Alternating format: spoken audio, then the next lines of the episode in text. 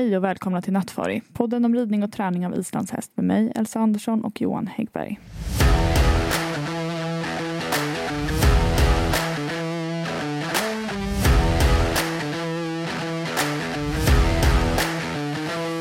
Hejsan allihopa, välkomna till ett nytt avsnitt. Nu när vi sitter här i höstmörkret så har vi precis gått igenom vår inkorg på Instagram, eller hur Johan? Mm. Det var du som upptäckte att vi hade fått, fått ett roligt meddelande. Eh, Det var några studenter som går på Vången som vill att vi ska bli någon form av rådgivare för, för deras projekt. Vi känner oss så grymt erfarna så vi sa vi hoppar givetvis på det projektet. Nej, då. Du sa att jag tyckte att det lät roligt. ja. Jo, men jag tycker att det låter roligt. Jag tycker det är jättekul när folk tar- startar nya initiativ och sådär. Så det där eh, kommer vi absolut att, att haka på. Det är någon typ av UF-företag som de här personerna ska göra. De ska göra en podcast. Så vi får väl se om vi får någon komplettering till nattfari här kanske. ja. Dagfari. Could be, could be. Ja, nu ska jag sluta dra pappaskämt. Vad är ett pappaskämt? Jag har aldrig förstått det. Ett pappaskämt är så här tråkigt skämt. Ett torrt skämt. Som är lite så här. äh, Kul ändå. Ja, det är ju kul för att det är så tråkigt. Okej. Ja, Alla mina skämt är pappaskämt. Alltså. Eh, Men vi har faktiskt också varit på ett event i helgen. Jag är fortfarande ganska trött efter det. Kanske inte var eventet som var tröttande i sig. Nej, jag vet inte. Jo, men lite faktiskt. Det var en ganska intensiv dag. Mm. Vi var Kul på då. plats, Ja, verkligen. 12 oktober. Vi var på plats tidigt, eller ganska tidigt i alla fall. Mm. Och körde en klinik, Clinic of the Champions, i samarbete med DK Icelandic Horses. Vi debuterade som livepodd Ja. med den äran tycker jag. Ja, det tycker jag faktiskt gick jättebra om jag ska vara helt ärlig. Vi gjorde en bra insats. Och det var Mm. lite kul för vi visste inte riktigt vad en livepodd var innan heller. Vi, vi visste att det var någonting som, vad heter de, Bianca Ingrosso brukar göra i Globen. vi försökte uppnå den känslan. Jag, kan, jag försökte mer vara skavlad. Eller jag, jag tänkte mer att du var skavlad och jag var Att gäst och var skavlad. Skavlan.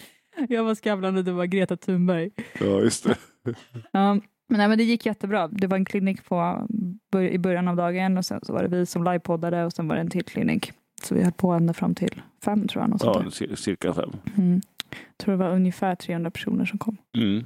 Sånt. Men eh, det här kommer ju komma ut som någon typ av eh, webb-tv. Ja, så jag och Daniel Sundin ska kommentera det här. Så att det kommer, kommer, kommer bli ett program på typ 35-40 minuter tror jag det är planerat att det ska vara. Ja. Och sen kommer ju dessutom själva livepodden att komma ut som podd. Vi kommer Mm. få tillgång till soundtracket till kliniken här.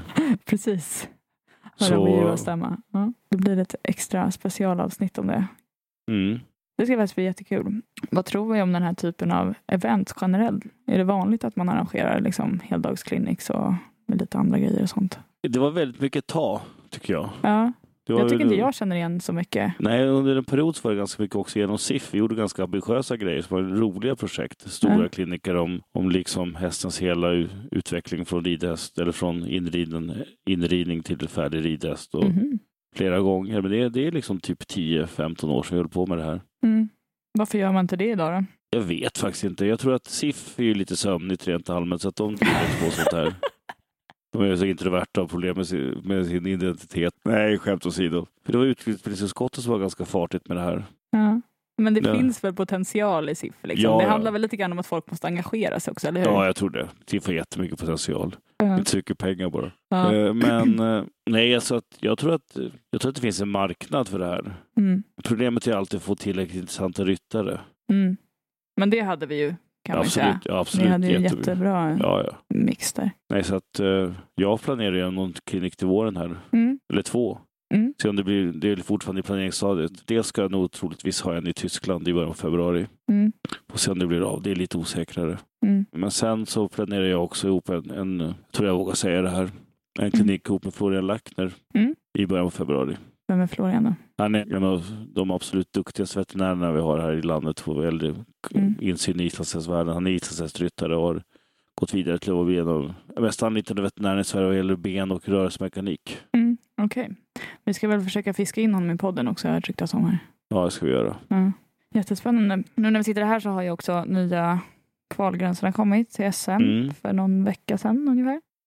Du pratade lite grann om det här när- tidigare. Ja, jag tycker det var ganska liksom konservativt förslag Mm. och lite stubborn. Mm. Vad är det vi ser? Jag tycker att det är liksom att man inte riktigt löser några problem tycker jag. Mm. För att man tog inte bort barnen till exempel. Nej, Man höjde gränserna. för barnen. Mm. Mm. Så de kanske blir färre då. Mm. Men eh, fortfarande ganska tuffa gränser för de vuxna. Mm. Så menar man då att vi, i och med att man har en 24 månaders period på det nu så kommer det, bli lättare på sätt och vis. Liksom. Men att jag vet inte. Jag, jag hade hellre sett ett lite öppnare system. De har haft tio domare, Mm. längre dagar och mer seniorklasser. Så att till exempel som, jag, jag kan inte se något annat än att problemet med till exempel en ganska tråkig lördag på SM Mm. kvarstår med det här tänkesättet. Mm. SM i år var ju ganska färglöst på lördagen. Det blir, det blir inga kul B-finaler. Mm. Det och får, ja, de är eventuellt inblandade, de var ursäkta, men, men det blir liksom lite färglöst. Mm. I och med att det är så många barn, eller, barnklasser? Eller? hur? Ja, faktiskt. Ja. Jag, tror- jag tror liksom att det krasst sett, tidigare, vi har, vi har haft ganska välbesökt SM och nu var det ganska välbesökt i år med efter ett Mm. par års dipp. Liksom. Mm. Men det är också så att det traditionella är att liksom de die hard-fansen har kommit på onsdagen.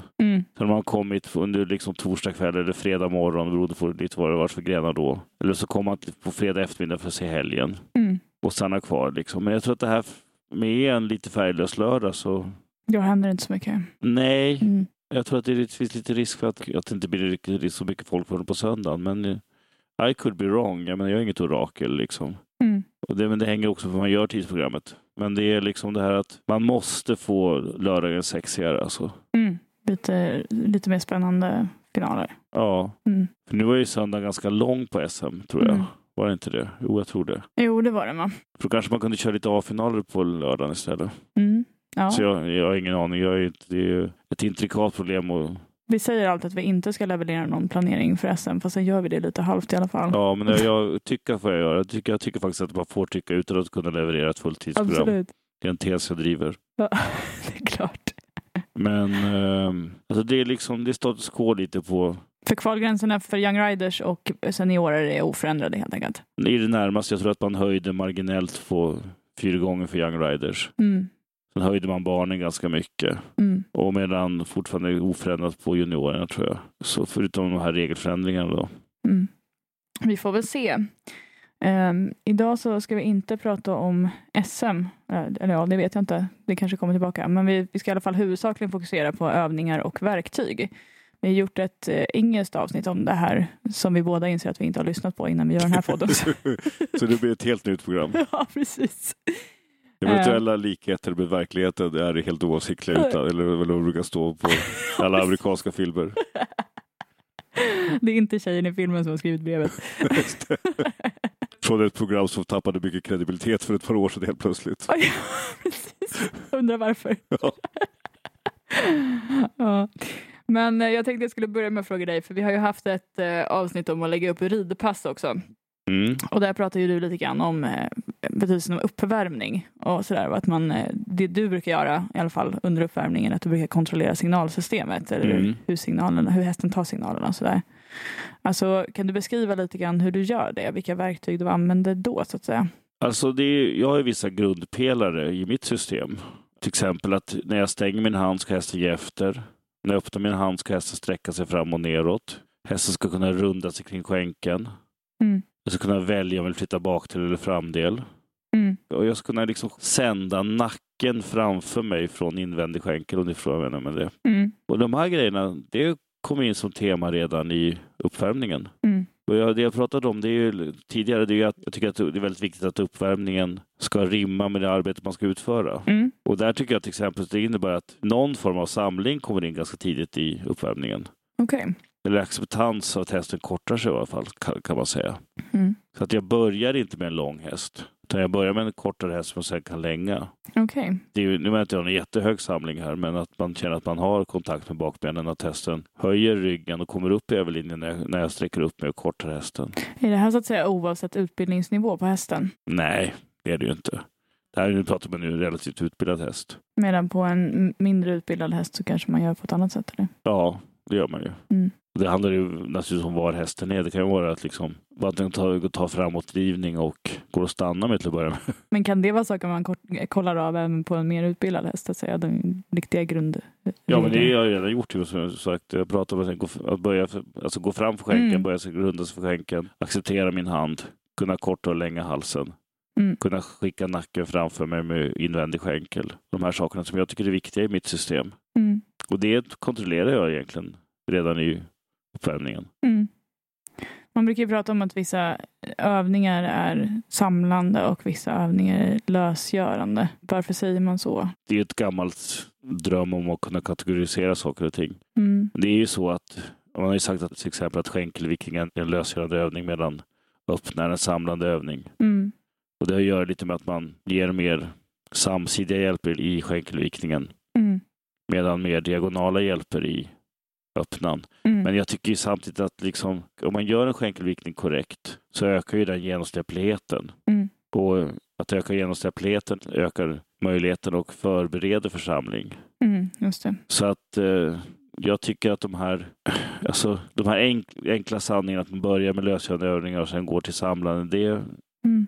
Det funkar inte riktigt. nej, det funkar liksom, Vi har Nej. pratat om den här fjädern till, tidigare istället för att använda en pyramid. Kommer du ihåg det? Det var något avsnitt där vi sa att man ska tänka lite som en fjäder där man kan gå fram och tillbaka på en ja, liksom, rullande skala. det är nog sant. Mm. Ett bra sätt att tänka på. För att just det här med trapptänkande tycker jag är lite, man gillar det i ridning. Mm. Att, det liksom att man pratar om utbildningsstege och utbildningstrappa och sådär. Och det, När man Mm. klarar med en grej och så går man till nästa. Liksom. ja, men det funkar ju inte riktigt så, utan man åker ju hiss upp och ner i systemet hela tiden. Mm. Det är nog bra att ha med sig. Ja, det tror jag också är sant. Mm. Eller att det är viktigt att tänka på. Mm. Ofta säger man ju liksom att eh, när man ska göra en övning eller något sånt där eller man ja, ska överhuvudtaget göra någonting på när man rider så, så ska man använda sig av halvhalter som förberedelse och, och även som Mm. checka av hästen och sådär. Alltså, vi har inte pratat om halvhalter tidigare tror jag. Kan Nej, du berätta lite om det? Varför, Ja, vad är alltså funktionen för att- och sådär? för att jag tänker inte så himla mycket halvhalter när jag rider. Mm. Utan eh, jag tänker mer att man ska ha ett fungerande system av hjälperna där hjälperna är ganska sömlöst griper i- varandra. Mm. Det är liksom inte 1, 2, 3 halvhalt, 1, 2, 3 halvhalt, 1, 2, 3 halvhalt. Mm. Liksom, det, så rider man inte, utan det är ju liksom en kombination av hjälper där man ibland förhåller mer med sin sits och handen och ibland släpper fram mer. Men det här att, alltså visst, halvhalt är ju en övergående förhållning i ridningen Mm. Där man sträcker upp sig, spänner magen, sitter emot hästens rörelse lite, möter upp med handen och mjuknar när halvhalten gått igenom. Alltså när man uppnått det man vill, alltså att hästen kanske mjuknar i nacken, att hästen flyttar tyngdpunkten bakåt eller Mm. minskar tempot eller någonting. Men det här är fort, det liksom blir lite fyrkantigt sätt att tänka på tycker jag. För att till exempel om jag är i en böjning där jag vill flytta hästens, hästens tyngdpunkt bakåt, Mm. då har jag en lite konstant förhållning i min sits. Men alltså här pratar vi kanske också om ett lite mer optimalt tillstånd där hästen är lite mer eh, välutbildad. Eller ryttaren är mer välutbildad. Precis. Nej, jag, jag tycker mer att man ska tänka ett, en serie av hjälper, en kedja av hjälper som Mm. där inte kedjan får brytas. Mm. Och det är det som jag tycker är den optimala kontakten med hästen. Det har jag pratat om i hjälpsystemet, att man inte har falska toner kvar i reaktionerna. Mm. Och då går ju i någon mening halvhalterna igenom. Mm. Just det. Men jag tycker det här, liksom pratet om halvhalter ibland skapar mycket ryckande i tygen. Mm. Är det bättre att låta bli då eller vad, vad tänker du där?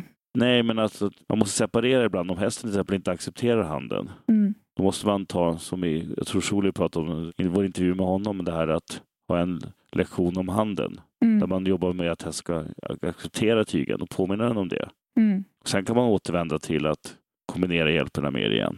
Mm. Så att man har ett flöde hela tiden, man känner att man, vad man behöver fokusera på mera för att hästen ska svara. Mm. Om det nu är skänkel eller säte eller hand eller vad det är. För det kan ju också vara precis, alltså precis som du säger att halvhalter inte går igenom därför att det till exempel inte finns något, någon framåtbjudning. Precis. Mm. Och det är det jag menar, det är där ridpasset börjar, att man kontrollerar att man har de fundament på vilka man kan rida.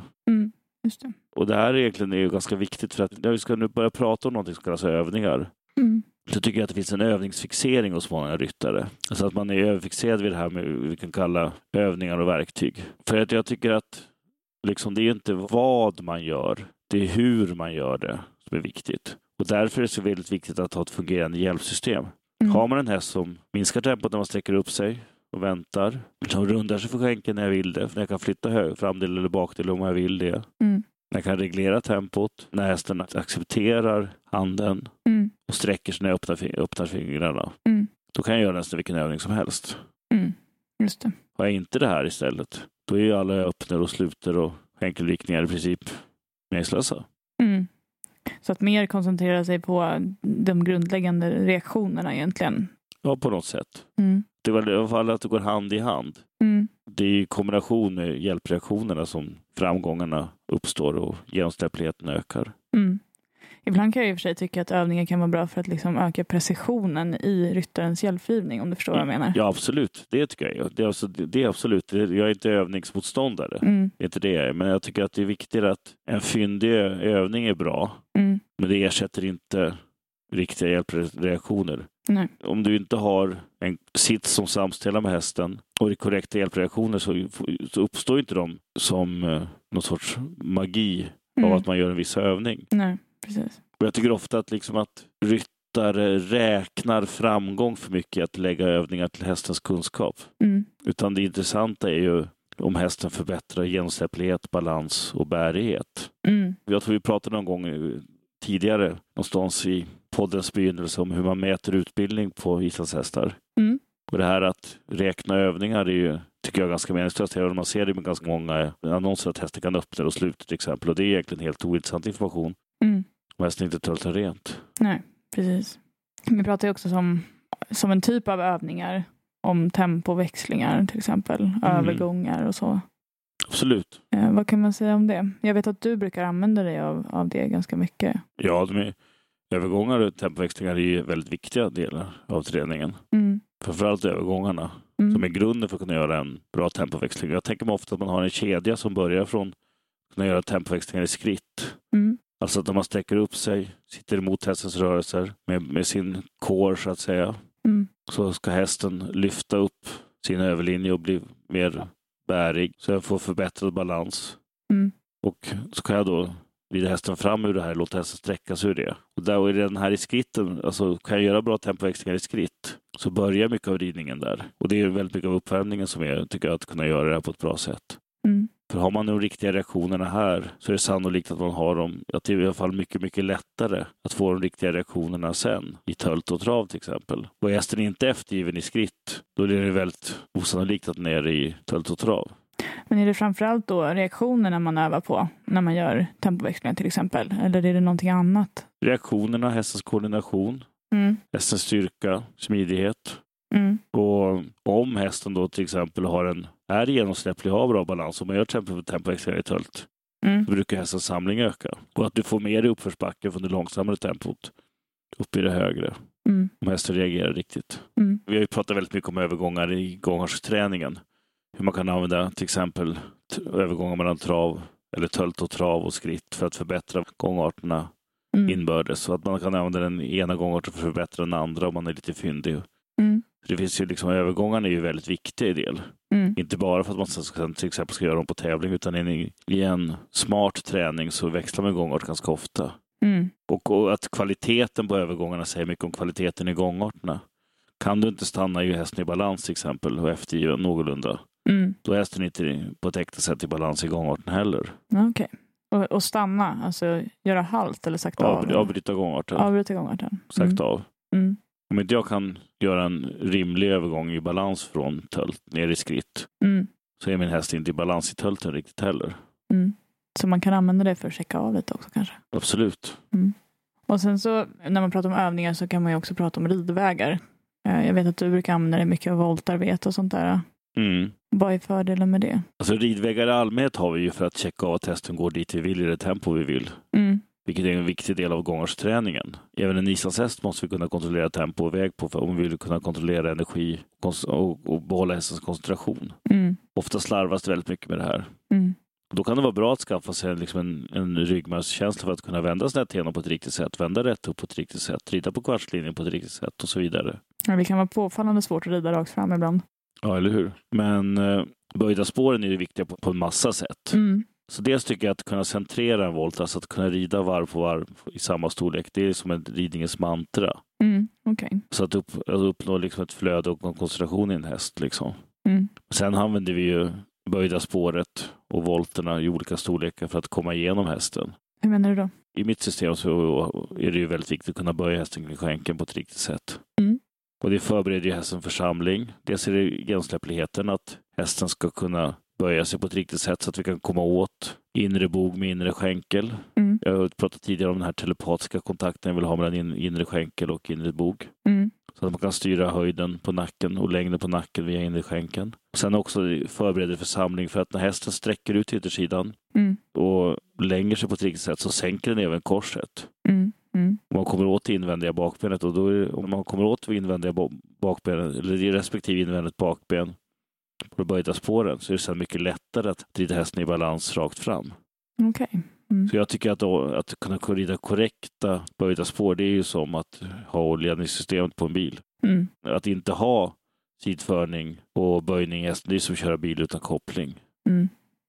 Det tror jag du har nämnt förut. Ja, i, i min värld i alla fall. ja. Sen, samtidigt som man också måste komma ihåg då bara att volten är ju bara ett, är ett redskap för att kunna rida rakt fram. Mm. Det är inte ett mål i sig att kunna rida bra volter, utan det är ju för att förbättra balansen i hästen. Förbättra genomsläppligheten, förbättra formen, förbättra hästens koordination och så vidare. Mm. Och därigenom kunna få bättre och bättre gångarter rakt fram. Det här tycker jag återigen superviktigt att återvända till nu när vi pratar om, om övningar på det här sättet. Att man inte får tappa sikte på att islandshästen är en gångartshäst. Mm. Och gör vi någorlunda riktiga övningar ska också gångarterna bli bättre. Ja, just det.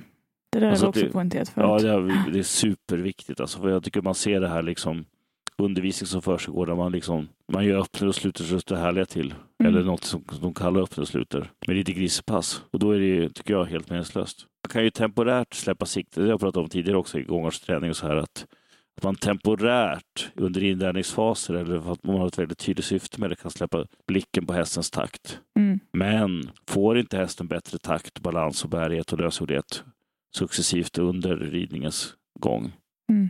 så fungerar inte övningarna. Nej, då gör man någonting fel. Då gör man någonting fel. Antingen är det då att hästen reagerar ofta som det är, att man inte har korrekta reaktioner för hjälperna, eller att man har fel tänk. Jag tycker till exempel att många vänder sina hästar alldeles mycket på, för ytterhjälperna på, på böjda spår. Hur menar du då? Att man, man lär sig ofta att man ska samla hästen med yttertygen och vända för ytterskänkel. Mm.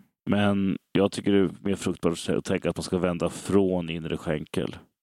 Nu rynkar du på ögonen och förstår mig inte riktigt här. Från inre skänkel? Ja, alltså att om man får en korrekt rundning Mm. med kontakt på inre bakbenet, då är det inget svårt då är det, Men du kan ju få en korrekt rundning på ett rakt spår. Hur får du hästen att, flytta sig? ja, men det gör det för att det följer vikten. Ja, så du använder det inte av ytterhjälperna i så stor utsträckning där, utan mer av De vikten? begränsar ju hästen, men Mm. de ska ju inte trycka för mycket.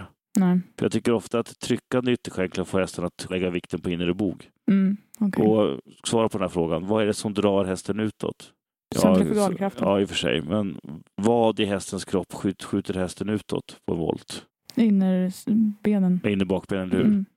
Så har man kontroll över inne bakben så kan man styra. Mm. Med dålig kontroll på inne bakben hästen bara styvar om man försöker röra rakare på yttersidan för mycket. Mm. Hänger du med logiken här? Alltså, Mm. Absolut. ja, men, alltså, många gånger är fokus på ytterhjälperna får hästen att det blir rakare på spåret. Ja, men ofta på det sättet att båda bakbenen hamnar lika långt bak. Mm. Här skulle jag vilja ha haft någon sorts liksom. Ritblock. ja, ja. Nej, men jag fattar vad du menar, men ofta pratar man ju också om, om förböjning och liksom att hästen går förböjd eller liksom på Ja, spår och sådär. Hur, vad men- menar man med det? Liksom, i så Det är, fall? det, är ju när man, det är ju när hästen böjer sig på ett sånt sätt att den glider ur arbetet. Mm. Du menar att man, den böjer sig utan att man har kontroll på... Ja, bokpartierna. Mm. Och att den är rak i bålen och viker sig i halsen. Mm. Just det. Men alltså liksom förböjning är ju inte lika med att man böjer hästen mer än vad TR för dressyr föreskriver. Mm. Utan förböjning är ju när man har mist kontrollen över hästen. Ja, just det. Böjning så är det så att den kan vara ganska kraftig Mm. i vissa lägen för att man, man vet att man, att man vill kunna uppnå en effekt med den. Liksom. Mm. Så jag tycker ju att det är viktigt att kunna böja hästen tillräckligt mycket. Mm. Det här är ganska synkront med rakriktningen. Mm. Så har du korrekt volt åt höger, korrekt volt åt vänster, då rullar hjulet ganska lätt rakt framåt också. Mm. Men om du inte har något i det här, då blir det ju inte bra rakt fram heller. Mm. Men eh, det är skillnad på böjning och ställning också. Ja, ställning är bara nacken. Mm. Varför jobbar man med de olika? Vad är syftet med de olika Det är, ju- momenten? det, är, ju- det är ju bara för att klargöra vilken del av hästens kropp man vi arbetar med. Ställning är ju bara nacken, men hästen som är böjd är också ställd. Mm. Alltså vi jobbar inte så himla mycket med bara ställning på islandshästar. Nej. tycker jag. Inte Utan, men det är, viktigt att, att böjningen sk- sker ända fram in i nacken så att hästen inte till exempel lutar huvudet på snedden till exempel istället för att ställa i nacken. Mm. Sådana saker är på böjda spår. Mm. Så det är viktigt att ha koll på det, var själva böjningen blir i hästens kropp och hals. Ja, absolut. Mm. Och sen så tänkte jag på en sak som vi såg på kliniken faktiskt också. Att jag tror det var Magnus som backade hästen. Mm. Och alltså halt, göra halt och backa och sådana saker. Alltså är det någonting som du använder dig av? Och, och varför i så fall? Att göra halt är ju viktigt att kunna stanna hästen i jämn balans, Mm. eftergiven. Och att kunna välja hur mycket man sätter och petar bakbenen under hästen i halten. Mm. Kan man ju överdriva till exempel. Om man vill, vill fokusera på samling kan man ju nästan hålla hästens framben stilla och så trampa på ett extra steg så att den vinklar bakbenen väldigt långt under sig i halten. Mm. Annars kan den ju stå med höft, benen ganska avslappnat rakt under höften. Mm. Men ryggningen kan man, det görs ju på många olika sätt. Men jag tycker ryggningen är utmärkt för att faktiskt inte bara för att samla hästen som man traditionellt sett kallar det, det kallas ju en samlande övning. Mm. Men också för att släppa spänningar. Däremot tycker jag att som det ofta används till exempel där vi kan kalla lite straffrygga, en häst som är tung i handen, det tycker jag ofta att inte fungerar så bra. Nej. Jag vill att man ska rygga en häst som är eftergiven i nacken Mm. och rak. Sättet jag tänker med ryggning, att jag gör halt, Mm. ser till att hästen är eftergiven, kramar med underskänken upp i min kropp och därefter stänger jag handen. Okej. Och handen får inte jobba bakåt. Man ser ofta att folk ryggar hästarna genom att ta handen bakåt. Mm. Dra i tyglarna helt enkelt. Försöka dra Ja. dem bakåt. Mm. Och det är ju ganska meningslöst. Mm. Det kan ju mycket väl bli så att hästen går bakåt, men den gör ju inte det i balans, gör det med sänkt rygg. Mm. Fördelen med det här med att man liksom har hästen eftergiven och kramar med båda skänklarna upp i sin kropp, stänger handen, det är att den får en häst som går bakåt Mm. med överlinjen uppe. Mm. Var ligger tyngdpunkten? Det beror ju på hästen. Men oftast förbättrar det tyngdpunkten så att den blir mer, skjuten mera bakåt. Jag menar, var ligger ryttarens tyngdpunkt i ryggningen? Rakt över hästen, Mm. tycker jag. Och om hästen inte vill flytta sig, Mm. då gör jag så att då, till exempel, om jag, vet ju ofta vilket bakben som är mest motspänstigt. Mm. Det är vänster bakben, då ställer hästen först åt vänster, flyttar bakdelen lite åt vänster. Mm. Ställer den åt höger, flyttar bakdelen lite åt höger. Hoppas att, då att spänningen i bakdelen, som oftast är det som hindrar hästen från att rygga, fungerar, försvinner. Och att den då, om den nu kan ryggning, Mm. går bakåt.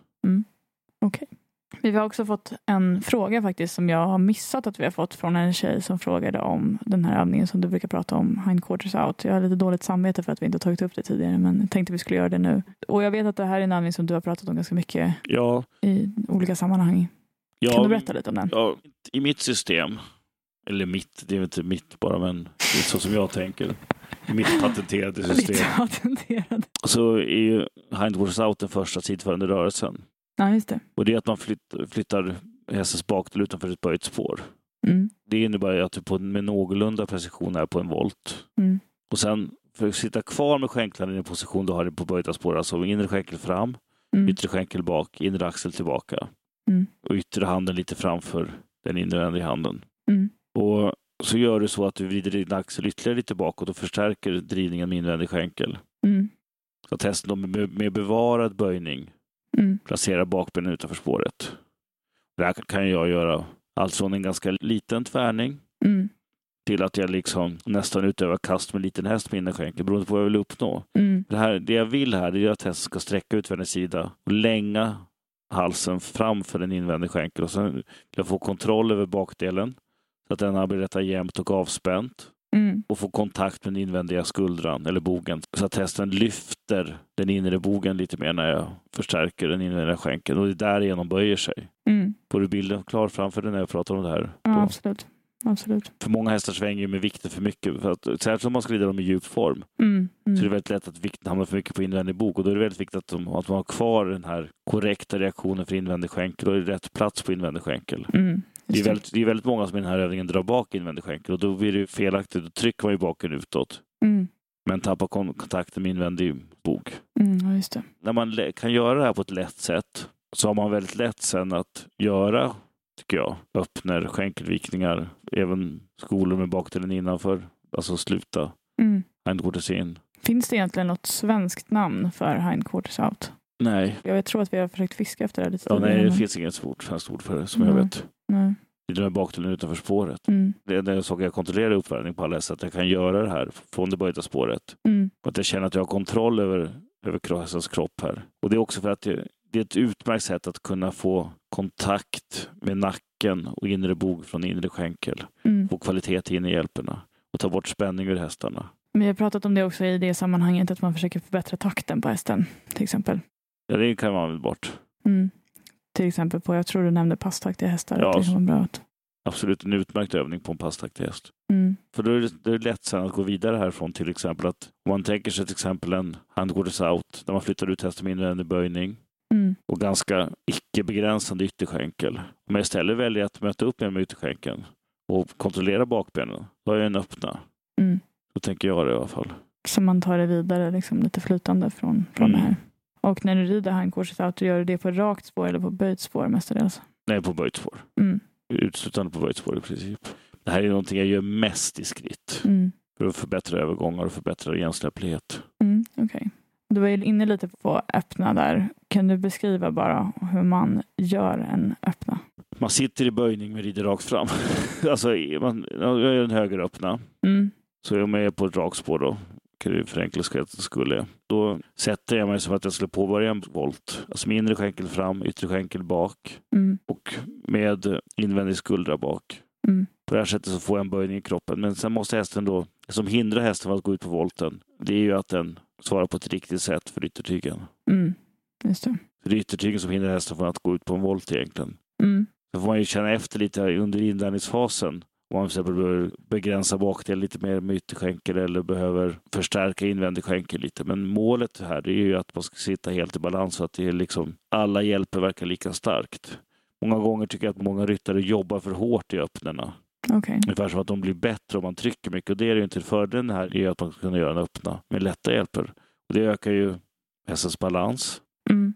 En häst som gör en riktig öppna. Det känner man att den blir genomsläpplig. Man kan ofta känna att man, om man tänkte på det här igår, var uppe på en häst som var på väg att lära sig öppna och som gick emot handen ganska mycket tills Mm. dess att vi fick en korrekt öppna och då blev den helt lätt och jätte, gjorde jättefina övergångar till tölt. Okej. För att man får upp överlinjen, man får fram nacken. Mm. Jag tror du har pratat om det, att en korrekt genomförd öppna är en väldigt bra och användbar Mm. övning. Ja, Mm. jag, jag tycker att hindquarters out, öppna, rygga och en vanlig skänkelvikning är de övningar jag använder mest av. Mm.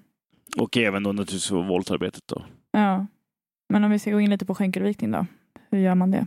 Mm. Om vi tänker oss en skänkelvikning på rakt spår Mm. så är det så att du sitter kvar rakt över hästen, förstärker invändig skänkel och egentligen förhåller lite på utvändig tygel. Mm. I böckerna står det att man ska ställa hästen i nacken med invändig tygel, men det brukar inte jag bry mig om. Det är den lilla ställning man vill ha kommer ofta naturligt. Mm. Sen är det väldigt viktigt att hästen inte viker för mycket i sidan då från den invändiga skänkeln utan också tar en framåtbjudning från en uppfångande utvändig skänkel. Mm. Så ofta är det bra att tänka på det ett steg åt sidan, ett steg fram, ett steg åt sidan, ett steg fram. Ja, Okej. Mm. Och traditionellt sett så är det ju liksom en ganska svag tvärning, men det här är också, det är som allting annat, att det beror ju på vad man vill upp- uppnå med en häst. Ibland är- så är det så att man kanske måste få hästen att gå kraftigare åt sidan Mm. för att få en effekt. Det är som vanligt, det är inte liksom tävlingsreglementet för dressyr som mäter hur vi gör övningarna. Nej. Och när du pratar om innerskänkel här så menar du alltså den skänkeln hästen flyttar sig ifrån. Ja, den kan ju och- bli ytterskänkel på spåret i och för sig. det kan det blir, bli. Ja. Det är alltid, i och med att hästen, är, hästen blir alltid ställd Mm. från den, eller till den invändiga skänkeln. Mm. Precis. Och då är det definitionen på den invändiga skänkel. Mm. Precis. Och skänkelviktning är en jättebra övning för att få hästen att släppa spänningar och bli mottagliga för hjälperna. För där är ju hästen rak i kroppen, eller hur? Ja, det är den. Om man inte gör skänkelviktning på böjtspår då. Mm. Ja, precis. Man kan göra. Men traditionellt sett så är hästen rak i kroppen. Mm. Just det. Sen kan man göra skänkelviktning på många olika sätt. Och det är ju liksom, återigen, måste man ju koppla det till att förbereda övergångar på ett bra sätt tycker jag. Mm.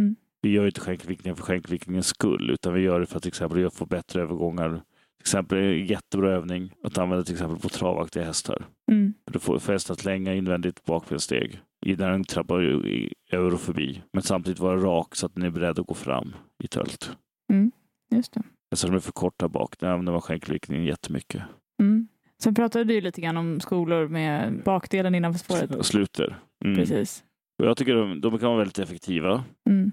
Men man bör vara lite försiktig med dem för att till exempel hästar kan fly in i förböjning, men jag vet inte några hästar som flyr in i den öppna, men många hästar flyr, flyr in i en sluta? Börjar vicka på rumpan Mm. och liksom automat använda slutet för att komma ur bärigheten. Mm. Och då det, måste man ju passa sig. Jag, som jag har sagt någon gång tidigare att jag var med ordförande i föreningen Anonyma Slutarmissbrukare. Och, så jag tog bort slutan helt ur min repertoar ett tag. Ja, det är så. Ja. En god vän till mig sa en gång att i början är ridning är lätt. Mm. Man tycker att man kan allting. Och sen så man utvecklas man utvecklas man genom att göra saker och ting komplicerade. Man har komplicerade lösningar på enkla problem. Mm. Man använder mycket övningar. Mm. Det är den här perioden man fattar galopp ur en vänsluta i hörnplacering. Mm. Men sen när man kommer förbi den här fasen, Ja. Då rider man mycket enklare igen. Alla duktiga ryttare rider enkelt. Mm. Och då, jag tog bort, jag jag var liksom övningsfanatiker lite, så jag tog bort jättemycket övningar. Mm. Så jag har lagt till dem och då lägger jag till dem utifrån behov och inte utifrån att göra dem. Ja. Och då, och då får det mycket mer effekt. Mm. Just det. Sen är det naturligtvis måste man ju kunna göra övningarna. Det ingår ju liksom, man måste ju ha med sitt backbone. Mm. Och och då ibland måste man ju öva på övningar för övningens skull för att lära sig hur man gör. Mm. Precis. Men sen så är det så att i en god ridning så är övningarna bara en integrerad del där syftet är att få ökad genomsläpplighet och bättre balans och bä- bättre koordination hos hästen. Mm. Vilka rafflande slutord. är det så? Jag vet inte, har du någonting mer som du vill säga om eh, övningar och verktyg eller kan vi sammanfatta det här på något sätt? Ja, det kan vi säkert göra. Men det är det här alltså, dels tappa inte sikte på att det är hur man gör någonting, inte vad man gör som är viktigt. Mm. Man blir inte en duktigare ryttare för att man lägger till en massa övningar till sin repertoar. Mm. Utan man blir en duktig ryttare för att man har ett hjälpsystem som kommunicerar med hästen och som förbättrar hästens balans, genomsläpplighet och gångarter. Mm. Och blir inte gångarterna bättre över en period för övningar man gör, Mm. då måste man se över hur man gör dem. Ja, just det. Och att signalsystemet funkar som det ska. Som Eller hur? Precis. Jättebra. Men då så, då har vi väl gått igenom det vi hade tänkt vi skulle prata om. I nästa avsnitt så kommer vi prata lite grann om domare. Domarens roll. Det är faktiskt lite spännande eftersom du ju är så himla duktig domare Johan. Det vet jag inte. Jo men det är du väl? Du dömer en del. Ja, jag dömer mycket. Ja. Ja. Jättekul, det ska bli spännande. Mm. Ja men då så, då hoppas vi att ni tyckte om det här avsnittet, att ni fortsätter lyssna. Och ha det bra så länge. Tjingeling. Hej!